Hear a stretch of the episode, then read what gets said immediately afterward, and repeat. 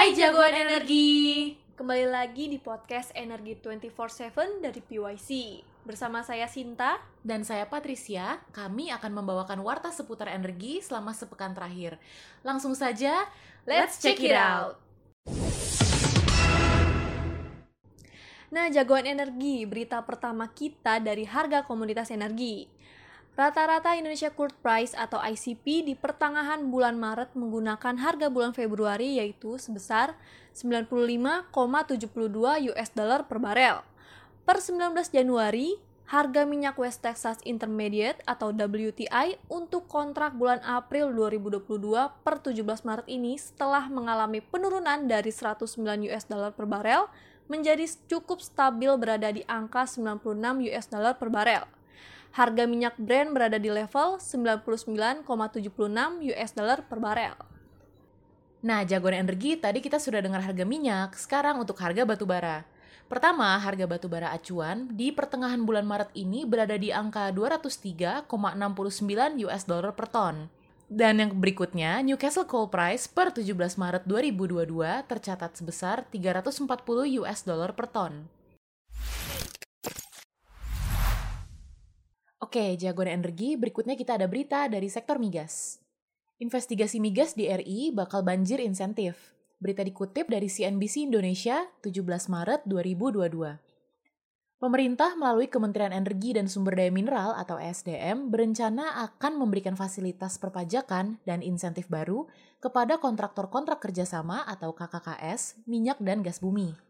Kementerian SDM dan Kementerian Keuangan sedang menyusun revisi PP nomor 2 tahun 2017 dan PP nomor 53 tahun 2017 untuk meningkatkan keekonomian kegiatan hulu migas.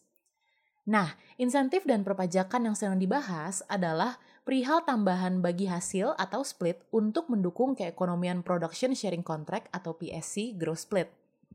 Kemudian investment credit, DMO free, serta depresiasi dipercepat untuk PSC juga insentif sewa barang milik negara. Berikutnya, masih dari sektor migas, kita ada satu berita lagi. Impor migas di Februari 2022 melonjak sebesar 30,19 persen. Berita diambil dari CNBC Indonesia 15 Maret tahun 2022.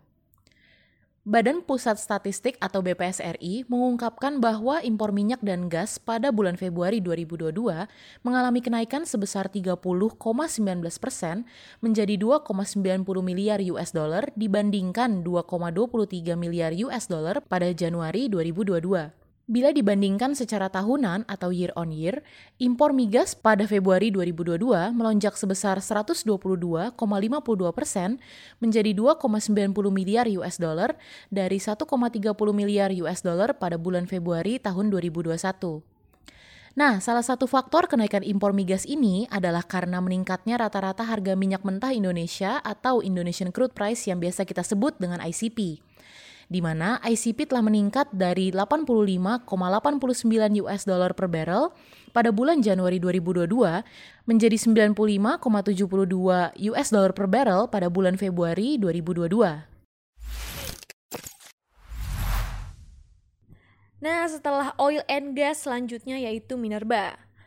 Pemerintah akan naikkan tarif royalti batubara. Berita dikutip dari Kontan 12 Maret 2022.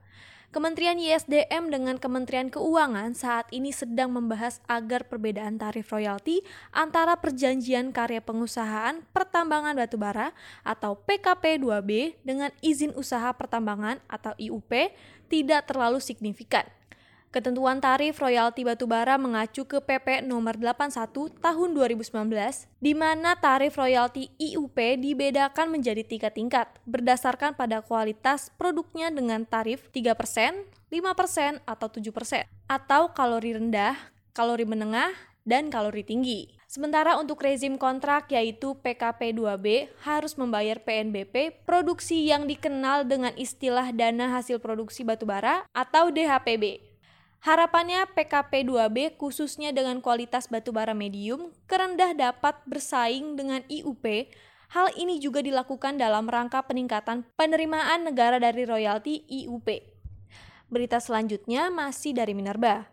Sebanyak 7 smelter baru dijadwalkan beroperasi tahun ini. Berita dikutip dari Kontan 14 Maret 2022.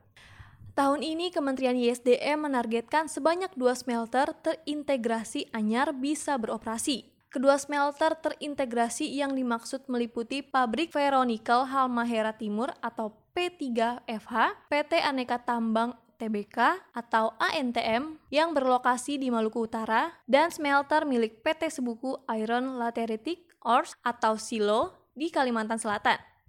Di luar target di atas, sebanyak 5 smelter yang berdiri sendiri alias stand-alone juga dijadwalkan dapat beroperasi pada tahun ini.